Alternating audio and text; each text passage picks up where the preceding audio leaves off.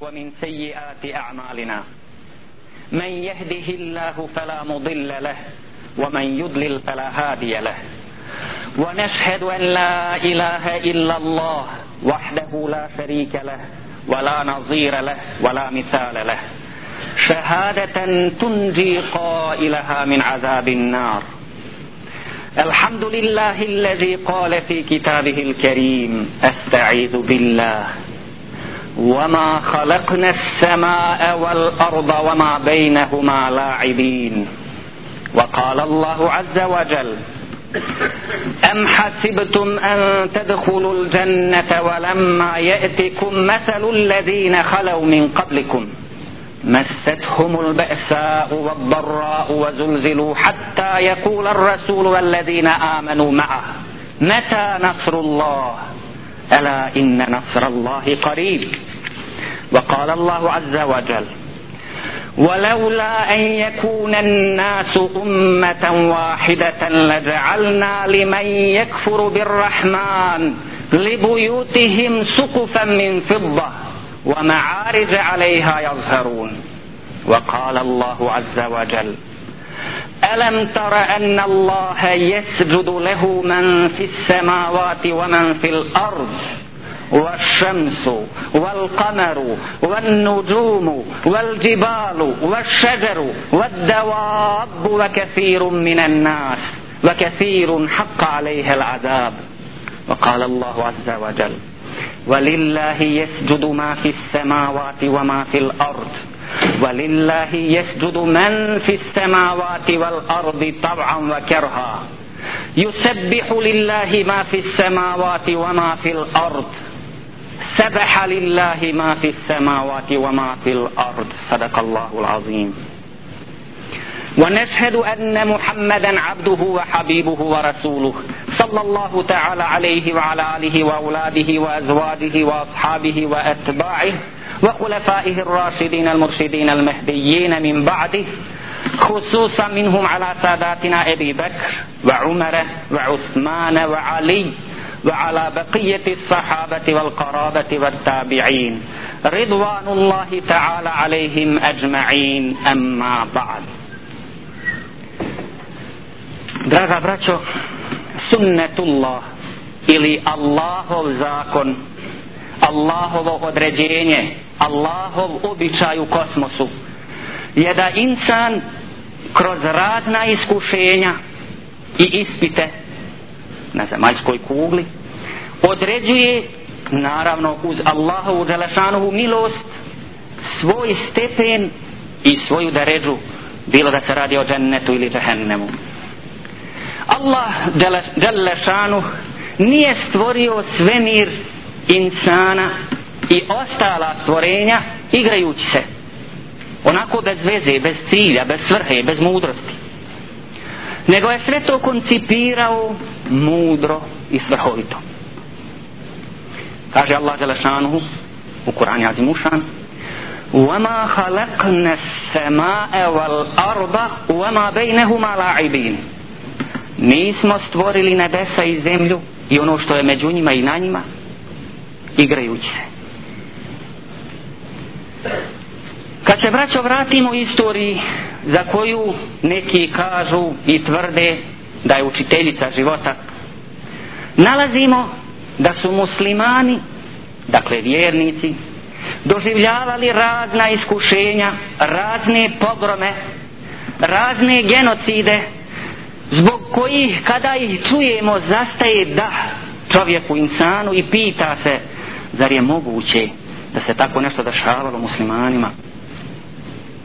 Da se čovjek pita gdje je i kada će Allahova Đelešanuhu pomoć.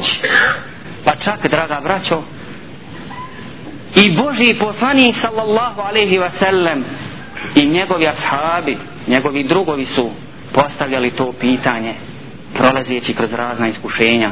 U jednom od ajeti kerima se kaže Esta'idu billah أم حسبتم أن تدخلوا الجنة ولما يأتكم مثل الذين خلوا من قبلكم مستهم البأساء والضراء وزلزلوا حتى يقول الرسول والذين آمنوا معه متى نصر الله ألا إن نصر الله قريب Zar vi mislite da ćete a još niste iskusili ono što su iskusili oni koji su prije vas bili i nestali. Njih su satjerali neimaština i bolest. I toliko su bili uznemiravani da bi i poslanik, ali i selam, i oni koji su sa njim vjerovali, uzviknuli. Meta nasrullah. Kada će već jednom Allahova delešanu pomoći? Ela inna nasrallahi qarib. Eto, Allahova pomoć je zaista blizu. Braćo, naredo na početku da su muslimani doživljavali pogrome i genocide. A evo da se sjetimo nekih kroz izvode iz jedne knjižice koja bilježi stradanja muslimana, bilježi događaje koji potvrđuju da su islam i muslimani bili tokom čitave istorije na meti. To potvrđuje istorija, to potvrđuju stavovi, ideje i izreke raznih čakirskih ličnosti velikana. Bilo da su židovi ili neki drugi. Možda to sve objedinjuje ili je najljepše sročeno u jednoj rečenici jednog velikog Allahovog dalešanuhu neprijatelja jednog francuskog orientaliste Kimona koji izjavljuje i kaže ubijeđen sam da je neophodno pobiti petinu muslimana na svijetu dakle a ostale osuditi na tešku robiju srušiti kjavu a tijelo Muhammeda staviti u muzej Louvre. Braćo, nakon izbijanja komunističke revolucije 1917. godine u Rusiji ili socijalističke, ako hoćete, za muslimane su nastupila užasna klanja. Ja ću navesti samo neke citate iz ove knjige. U periodu od 50 godina ubijeno je 20 miliona muslimana. Prema potvrđenim ruskim statističkim podacima ustanovljeno je da je samo Stalin, ruski vođa i koljač, ubio 11 miliona muslimana. Pa milion i po žrtava komunističke agresije u Afganistanu, pa u Jugoslaviji znamo genocide i genocide, pa u Bugarskoj, pa neprestana klanja palestinaca, vjerujem da vam je u skorom sjećanju klanje koje se desilo u Sabri i Šatili, kada su palestinci morali odložiti oružje i seliti se i kada je svjetska zajednica prihvatila da štiti i sabru i šatilu i druge izbjegličke logore pa su došli židovi i poklali žene i djecu i tako stalno a vođa njihov židovski jedan Ben Gorion kaže Arapi u Izraelu imaju samo tri mogućnosti prihvatanje jevrejske vjere protjerivanje izvan zemlje i potpuno uništenje I onda njihovi drugi velikaši, velikani, šta sve govore. Pa onda milion šehida u Alžiru protiv Francuza. I možda najbestijalnija klanja koja se dešavaju, dešavala se u Indiji. Hindusi su to radili. Pa se spomnio u ovoj knjižici, kaže, indijska vojska je poubijala četvrt miliona indijskih muslimana, koji su pokušali da se isele iz Indije u Pakistan prije rata koji je buknuo 71. godine s Pakistanom a nakon njihove pobjede u ovom ratu ubili su 100.000 studenata i službenika islamskih univerziteta i pobili 10.000 muslimanskih alima dobro se sjećam to sam zabilježio u svojoj disertaciji podatka da su muslimani htjeli da se iseljavaju iz Indije u Pakistan pa su rekli neka se isele prvi oni koji rade u administraciji jer je to eto elita muslimana pa su se popisali pa su ih stavili u jedan dugački i dugački voz 50.000 njih pa su ih poslali za Pakistan a na granici u jednom tunelu kada su ušli u taj tunel kaže, kažu da taj voz nije izašao iz tog tunela nego je izašao na takav način da su da je taj voz izašao a u njemu samo tjelesa iskasapljena tih 50.000 nekakvih vođa muslimana koji se nalazili u Indiji Indija je okupirala pokrajinu Kašmir čija su većina stanovnika muslimani Oni su izloženi neprekidnom indijskom zlostavljanju koje sprovode oružane indijske organizacije. Tako su 60. godine dvije indijske organizacije prisilile 200 žena muslimanki da skinu odjeću, a potom ih natjerali da gole hodaju gradskim ulicama. Nakon toga su ih počeli silovati i obeščašćavati u prisutu mnogih indijaca koji su to posmatrali. Naveče su sakupili velike količine drva, drva, zapalili vatru i počeli bacati jednu po jednu muslimanku u vatru uz gromoglasan smijeh indijaca. U gradu Gandos, 1963. godine, neki indijici su ušli u najveću gradsku džamiju, te naredili mu jezinu da prouči ezan za namaz pod prijetnjom da će ga ubiti ako to ne učini. Pa su ljudi na glase zana došli u džaniju i kad su ušli unutra, indijici su ih opkolili i počeli klati dok ih sve nisu poubijeli. Zatim su sakupili musafe i doveli žene muslimana u džamiju te ih na musafima silovali a potom poklali. Onda su doveli imama te džamije, objesili ga za vrat i za glavu mu svezali musaf te izigravajući se počeli govoriti sad počni držati svoju hutku. Dešavalo se slično u Eritreji, u Ugandi, na Filipinima, na Tajlandu, u Libanonu i u drugim mjestima.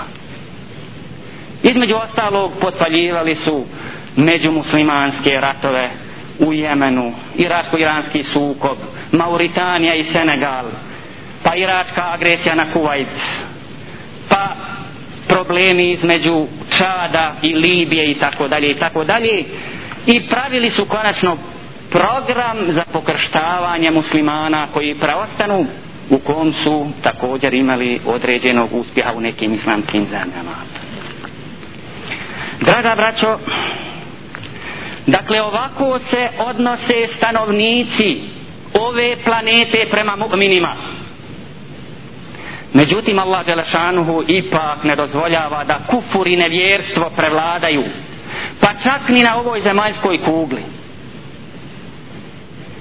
Ne dozvoljava da to bude čak ni kod insana, čovjeka, koji može, ako hoće, da bude kjafirom.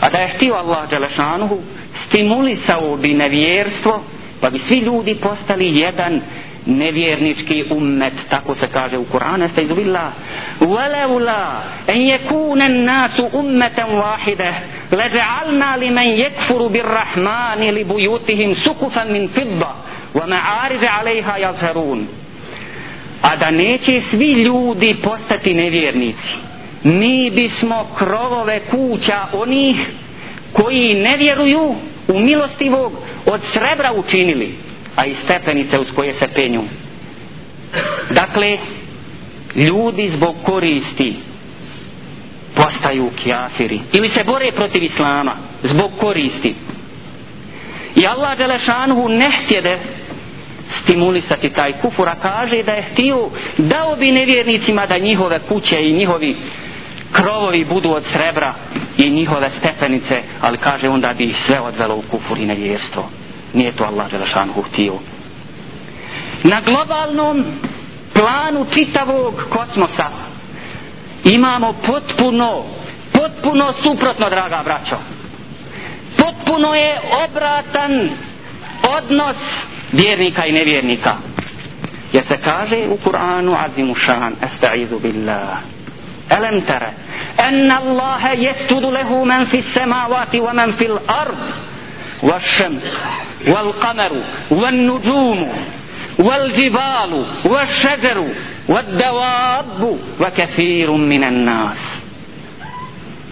زر نزناش znaš da se i oni na nebesima i oni na zemlji Allahu klanjaju a i sunce i mjesec i zvijezde, i planine, i drveće, i životinje, i mnogi ljudi. Vakatirun haqqa leha l'azab, a mnogi i kaznu zaslužuju. Dalje se kaže, Valillahi jesdudu ma fi semavati wa ma fil ard, Allahu dželešanuhu sedu čini što je na nebesima i na zemlji. Pa dalje, walillahi jesudu men fi semavati valadi tavan wa kerha. Allahu Đelešanuhu sedu čine oni koji su na nebesima i na zemlji. Milom ili silom. Pa onda, yusebihu lillahi ma fi semavati wa ma fi l'ard. Allaha slavi. Allaha slavi ono što je na nebesima i na zemlji. Sebeha lillahi ma fi semavati wa ma fi l'ard. I Allaha Đelešanuhu je slavilo u prošlom vremenu ono što je na nebesima i na zemlji dakle braćo u svenirskom kosmološkom globalnom smislu stanje je potpuno drugčije sve i svi vjeruju u Allaha Đelešanuhu slave Allaha Đelešanuhu padaju mu na sezdu osim dijela ljudi osim dijela ljudi svi ljudi ne padaju na sezdu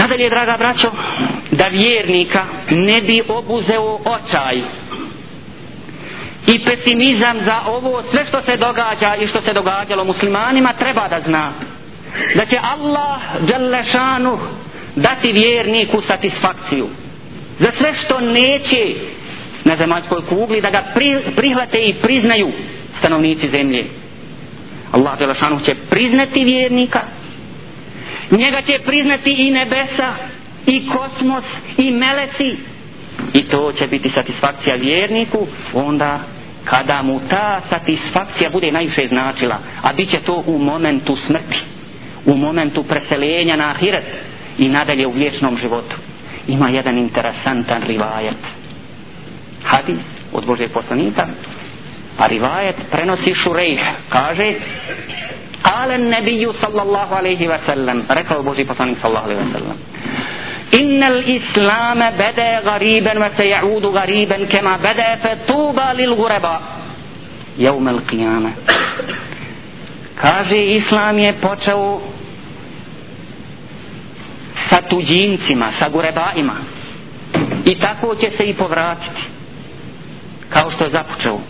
Blago tim garibima, gurebaima na sudnjem danu kile men hum ja rasul Allahu pitaše Bože poslanika sallahu alaihi wasallam a ko su ti garibi gureba kal humul ledine ida feseden nasu salahu kaže to su oni koji kada ljudi budu u općem smislu pokvareni oni će biti nepokvareni a zatim nastavi Boži poslani sallallahu alaihi wa sallam summe kal ela gurbete ala mu'min kaže mu'min, vjernik ne može biti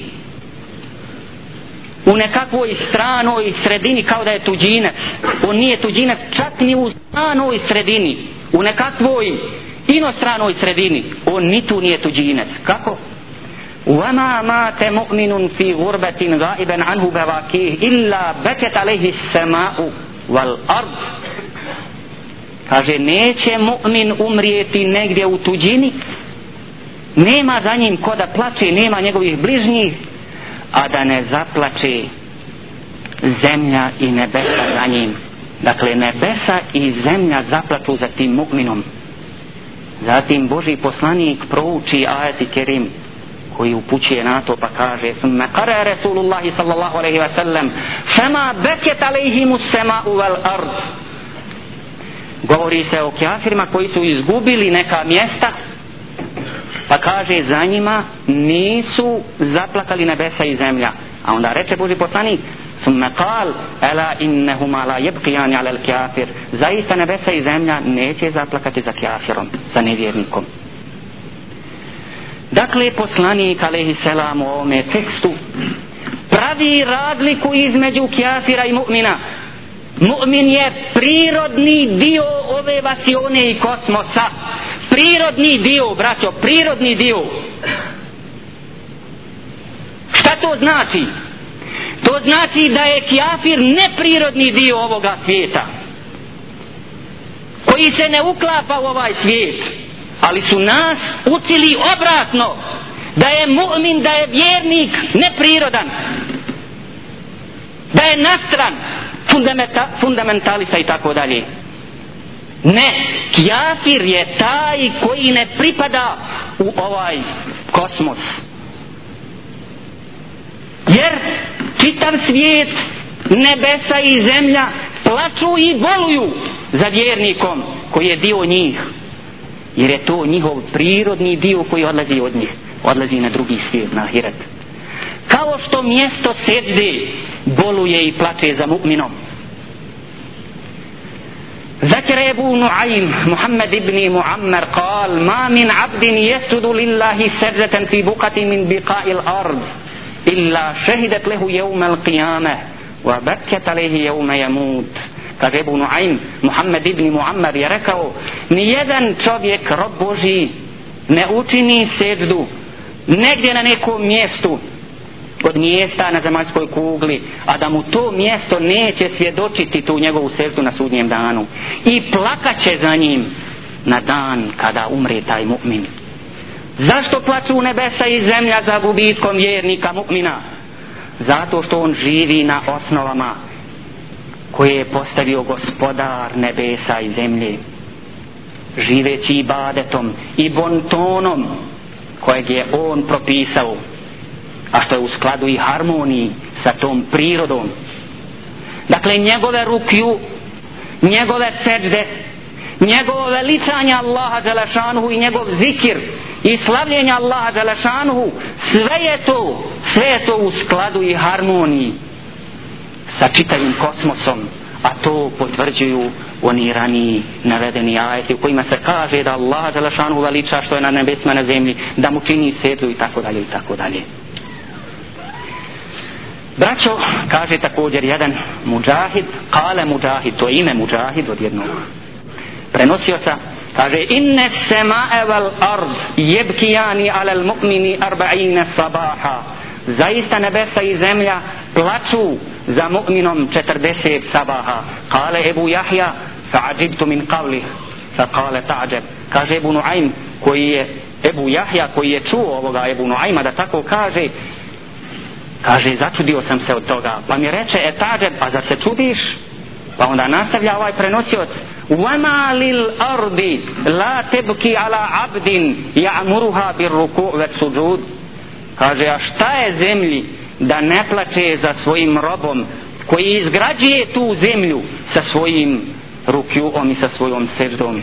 وما للسماء لا تبكي على عبد كيان لتسبيحه وتكبيره فيها دبي كدبي النحل إزاستو دا نبلتو نبسا زانيم كد u tim nebesima odzvanja kao pčelinji ona kao pčelinje zujanje njegov tesbih njegovo slavljenje Allah delašanu izgovo subhanallah njegov tekbir i tako dalje konačno Tako je mu'min odlikovan nad kjafirom kod Allaha Želešanu usprko svega onoga što smo naveli što je zadesilo i što zadešava i ovom je vremenu islamski ummet. Dakle, usprko svega onoga što smo čuli iz istorije i što se realno događalo i događa muslimanima, Allah Đalešanu kaže Efe men kjane mu'minen ke men kjane fasika la jeste vun zar je vjernik i fasik na istoj da ređi a, a oni nisu na istoj da ređi Allah Đelešanu poslaniku alaihi selam je dao satisfakciju za vrijeme života još draga braćo ne ostavljajući to za smrt dao mu je satisfakciju na sve ono što je doživio na ovom je dunjaluku jer je on doživljavao nad ljudska iskušenja ljudi nisu prihvatali njegovu objavu koju je donio od Allaha Đalešanu progonili su ga htjeli ga ubiti, pokušavali ga ubiti kamenovali ga napućivali djecu da ga udaraju kamenjem granjem i tako dalje to su mu te nedeće pomalo ublažavali njegova žena Hatidža i Ebu Talib koji umiru i on ostaje opet sam ali nalazi oslonac u Allahu Đelešanu i dovi dovi jednu divnu dovu na koju će Allah Đelešanu odgovoriti i dati mu satisfakciju kaže se u toj dovi Allahumme ilajke ešku di'fa kuvati wa qillata hilati wa hevani ala nas ja arhamar rahimin o moj gospodaru, tebi tužbu dižem od slabosti snage moje i nemogućnosti izlaza i zbog poniženja od ljudi, o milostivi, o najmilostivi. Enta rabbul mustad'afin, ti si gospodar nemoćnih, slabih. Wa enta rabbi ila men tekilni, ti si moj gospodar. Kome me prepustaš gospodaru? ila ba'idin yatajahhamuni zar dalekom koji će me zgromiti em ila aduvin au ila aduvin malaktahu amri ili mome neprijatelju me prepustaš kome si podčinio moju emr, moju stvar pa onda nastavlja in lam yakun bika alayya ghadabun fala ubali walakin afiyatuka awsa li međutim ako se samo ti ne srdiš na mene pa nije me briga za sve ostali jer mi je tvoje zadovoljstvo najlagodnije a'udhu bi nuri vejhike allazi ashraqat lahu zulumat wa salaha alayhi amru ad-dunya wal akhirah min an tanzila bi ghadabak aw tahilla alayya sakhatak moj gospodaru utječem se svjetlošću tvoga lica koje je probilo tamu i na kome počiva prava vrijednost Dunjaluka i Ahireta. Utječem se tim tvojim svjetlom da se ti ne rasrdiš na mene, odnosno da ne spustiš svoju srdbu na mene i da mene pogodi tvoja ljutnja. Lekel utba hatta tarda, tebi naklonost pripada dok ne budeš zadovoljan. Vala hawla vala kuvvete illa billah i nema snage i kurata niko osim Allaha Đelešanuhu i Allah Đelešanuhu je čuo i uslušao njegovu dovu odgovara mu na način kako nije odgovorio ni jednom robu ni jednom svome stvoru ni meleku ni insanu to što ga nisu prihvatili i priznali na zemlji nadoknadit će mu priznanjem čitav kosmos njegovi stanovnici, nebesa, nebeske sfere i prijašnji poslanici koji se nalaze u tim sferama. Šta se to desilo Božijem poslaniku sallallahu alejhi ve sellem da doživljava takvu satisfakciju? Allah dželle šanuhu ga časti mi'rađom, Isra'om i mi'rađom, putovanjem jedne noći od Mesidul Harama do Mesidul Aksa, a potom kroz nebeske sfere do Sidretul Munteha, gdje ne dolazi niko drugi od stvorova Allahovi Đelešanu, pa čak ni najpribraniji melek. Samo Muhammed a.s. je tu došao jedno. Bilo je to neizmjerno priznanje i potvrda da su njegova nastojanja da izvrši svoju poslaničku misiju priznata kod Allaha Đelešanu. Tako Allah Đelešanu i mu'minu za razliku od kjafira.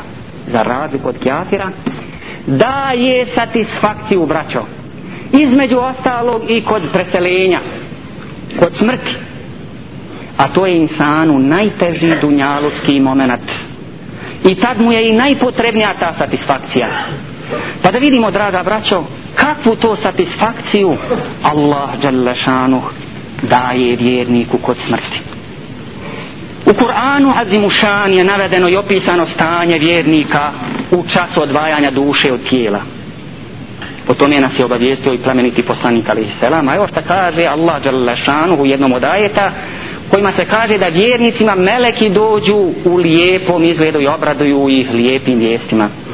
Kaže se u Kur'anu Esta'idhu Billah Inna allazine kalu Rabbuna Allah Summa istakamu Tatanazzalu alaihimu l-melaiketu Alla tehafu vela tahzanu وأبشروا بالجنة التي كنتم تعدون onima koji govore gospodar naš je Allah pa poslije ostanu pri tome znači istinski to kažu dolaze meleki ne bojte se i ne žalostite se i radujte se džennetu koji vam je obećan nahnu evlija ukum fil hajati dunja ve fil ahire walakum fiha ma teštehi enfusukum walakum fiha ma tedbeun nuzulan min gafurir rahim mi smo zaštitnici vaši u životu i na ovom svijetu u životu i na ovom svijetu a i na onom u njemu ćete imati sve ono što duše vaše zažele što god zatražite imat ćete bit ćete počašćeni od onoga koji prašta i koji je milostiv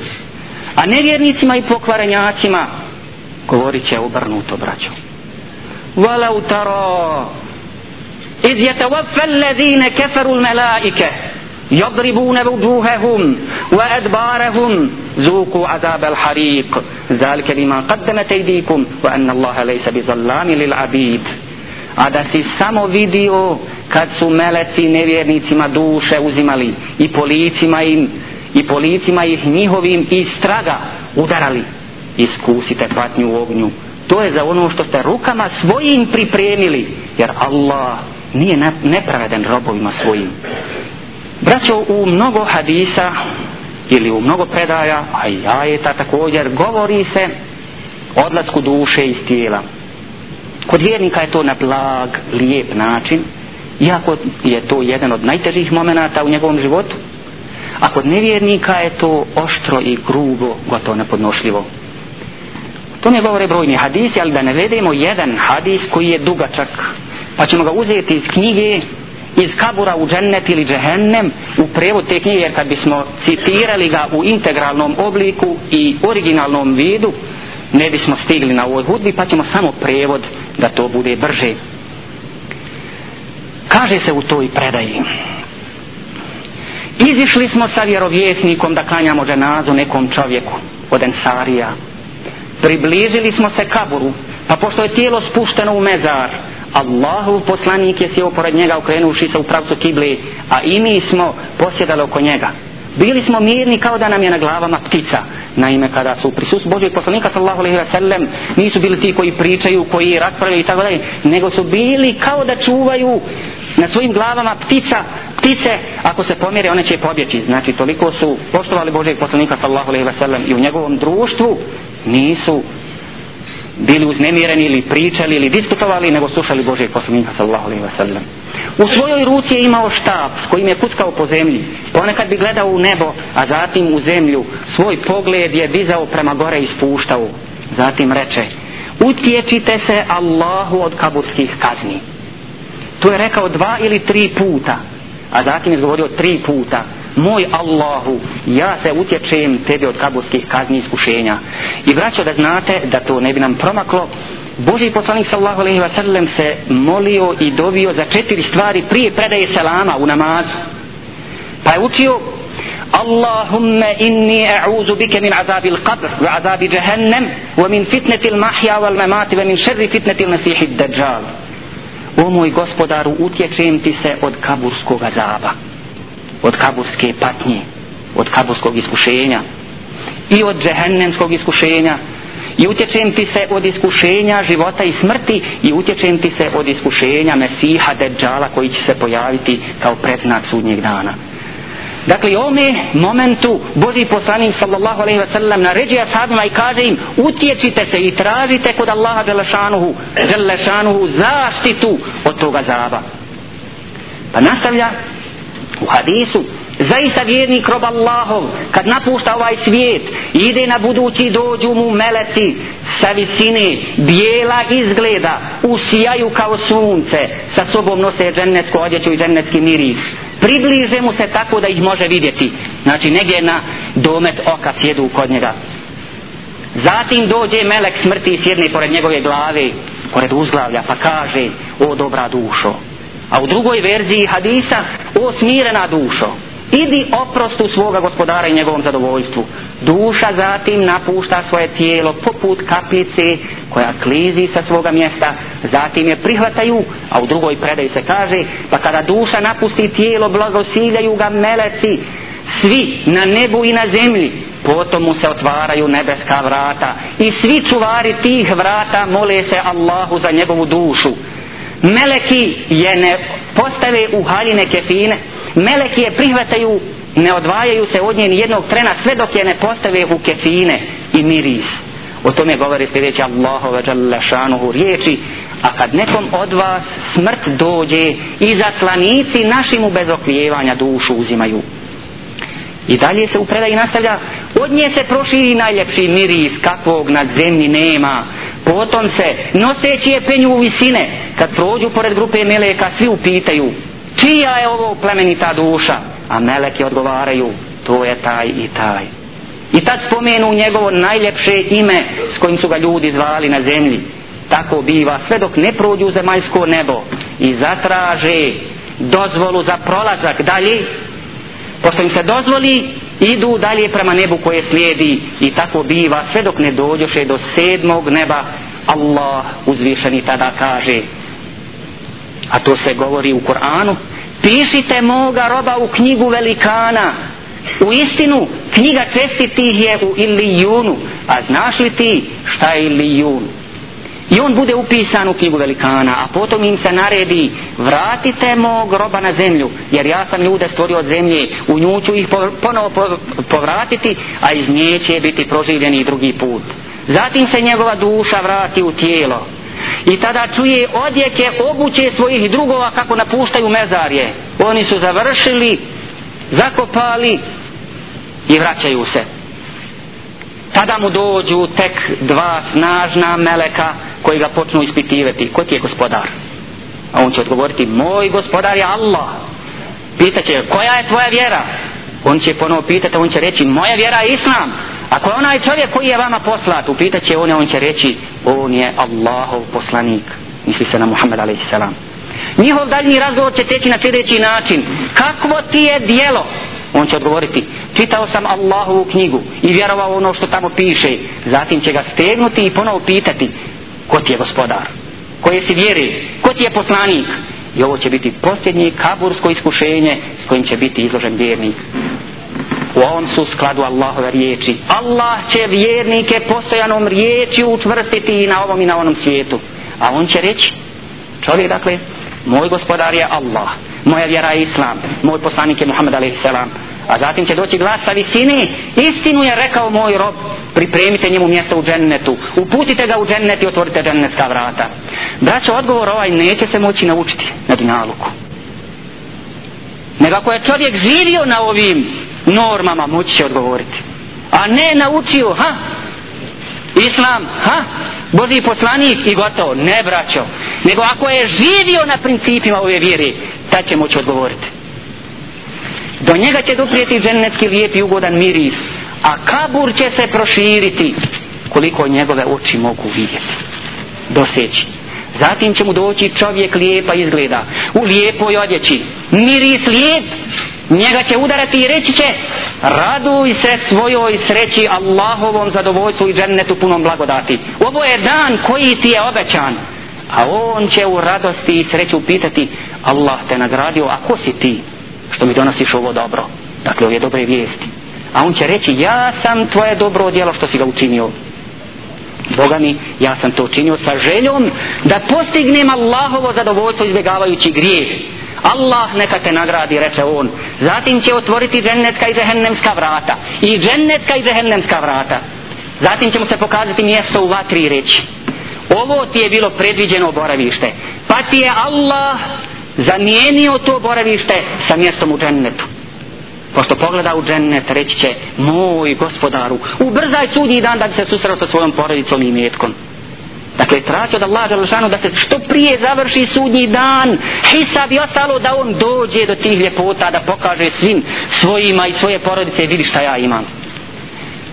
Kod nevjernika je sve drugčije braćo. Nevjernik, a u drugom hadise kaže griješnik. Griješnik. Kada napušta ovaj svijet i putuje za budući, dođu mu sa neba meleci. Grubi i strašni. Crnog izgleda. Sa sobom nose platno od kostrijeti, nekakve pokrovce. Približe mu se tako da ih može vidjeti, a zatim će doći melek smrti i svijest kod njegove glave i reći, prljava dušo, izlazi. Idi, Allah je srdit na tebe ljud. Zatim, njegova duša će se rasplinuti po tijelu i pobjeći pokušavajući, bježeći u udaljene dijelove tijela da se ne izvadi. Zatim će njegova duša napustiti tijelo uz veliku muku.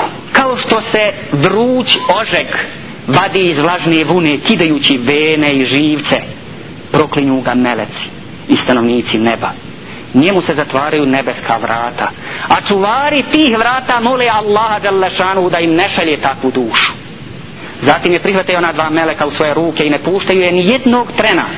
Sve dok je ne postavi na platno od kostrijeti. Tada se osjeti smrad kakvog nema na zemlji i zatim se dižu u visine.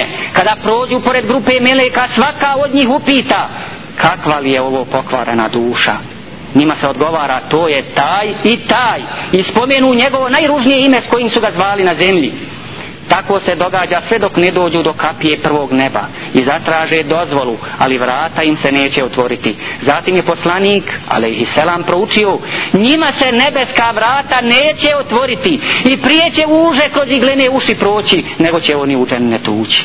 Allah će tada reći, pišite ga u knjigu poniženih, a zatim ga vratite na zemlju, jer ja sam rekao da sam ljude od zemlje stvorio, da ih u zemlju vraćam i da ću ih ponovo iz zemlje proživiti duša njegova bit će protjerana sa neba i spojit će se sa tijelom zatim je poslanik ali selam izgovorio sljedeće riječi kuranske a onaj ko bude smatrao da Allahu ima i koravan bit će kao onaj koji je s neba pao i koga su ptice razgrabile ili kao onaj kojeg je vjetar u daleki prijedi od nju pošto mu se duša vrati u tijelo on čuje odjeke koraka onih koji odlaze od kabura Zatim mu dođu dva meleka strašna izgleda.